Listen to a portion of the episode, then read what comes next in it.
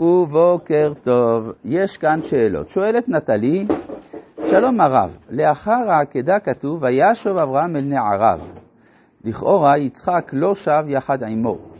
אחרת היה צריך לכתוב וישובו. לאן נעלם יצחק? תודה רבה. טוב, זה דבר מעניין, יש מדרש שאומר שיצחק נשאר על המזבח. והוא ירד משם רק אחרי שנתיים וחצי.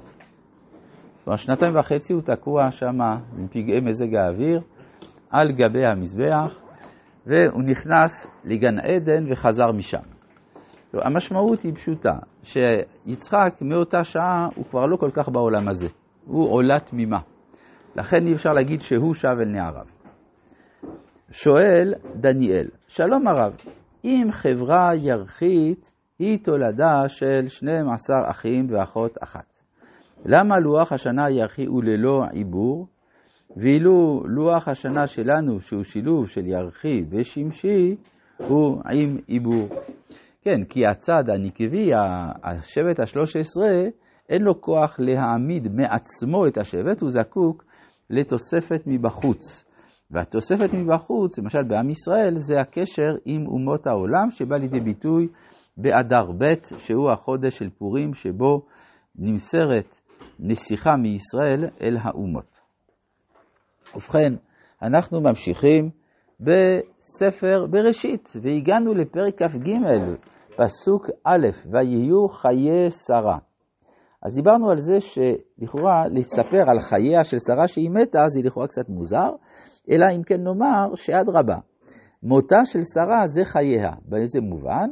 ברגע שהיא מתה, אז יש צורך לאחוז, להכות שורש משפחתי אה, בנחלת ארץ ישראל. וזה בעצם הניצחון של היצחקיות של שרה לעומת הקוסמופוליטיות שאברהם נטע לה. אז במובן הזה זה חייה. מאה שנה ועשרים שנה ושבע שנים. שני חיי שרה. מה זה שני? שני זה, זה סמיכות של שנים. השנים של חיי שרה. אלא מה? שזה כבר מובן מאליו, אנחנו הבנו שזה החיים שלה. אם היא הייתה חיה שבע שנים ועשרים שנה וש...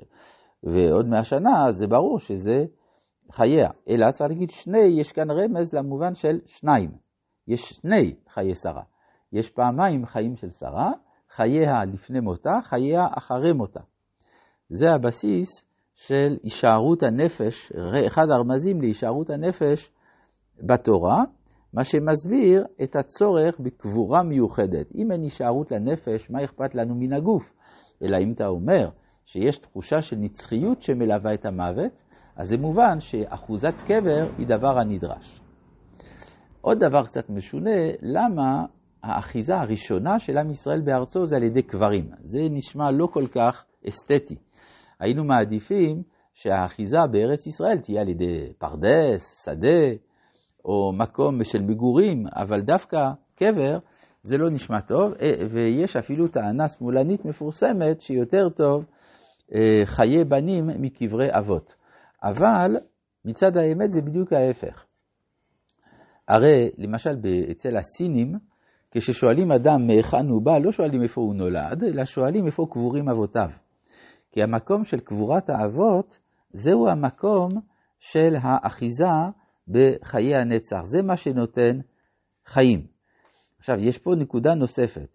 אדם שנוטע פרדס, מה ההצדקה שלו להחזיק בפרדס? אם הוא מטפח אותו, הוא מגדל את העצים, קוטף את הפירות, וכן שדה שאותה הוא זורע וקוצר, או בית שבו הוא חי.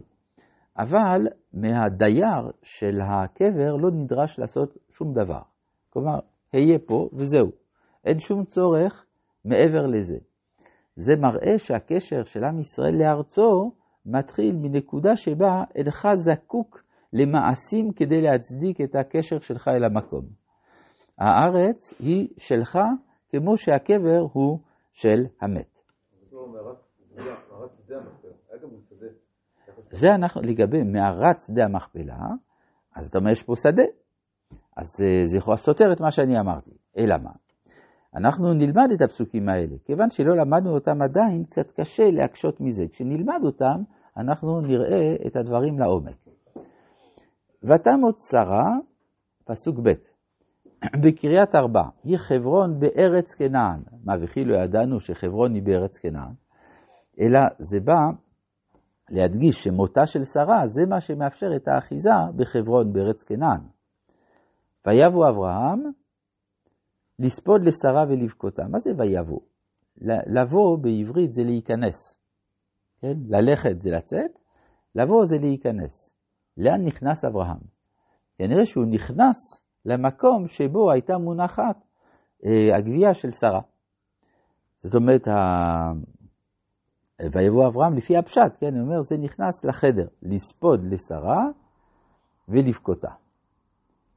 לבכותה, חז"ל כבר הדגישו למה יש כף קטנה, ולמה לא כתוב לבכותה בגדול. כן, ההסבר הוא בגלל שהיא הייתה כבר זקנה. זקנה לא מאוד. כן, סך הכל לעומת אברהם היא מתה צעירה. אבל בכל זאת, היא הספיקה הרבה בחייה במובן הזה, אז אה, אין כל כך מה לבכות. ויקום אברהם מעל פני מתו, וידבר אל בני חטא לאמור. כאן אנחנו רואים שיש אוכלוסייה שאברהם יש לו דין ודברים איתה, האוכלוסייה של בני חטא. עכשיו, אז, אז הם לא כנענים, הם חיטים. טוב, אבל חטא זה אחד משבטי כנען. מה זה בא לבטא? כנען זה מלשון כניעה. אומר הזוהר, למה ארץ ישראל קרויה על שם כנען? משום שהמידה הנדרשת בנפש כדי לרשת את הארץ, או כדי להתמיד את הישיבה בארץ, זה הכניעה.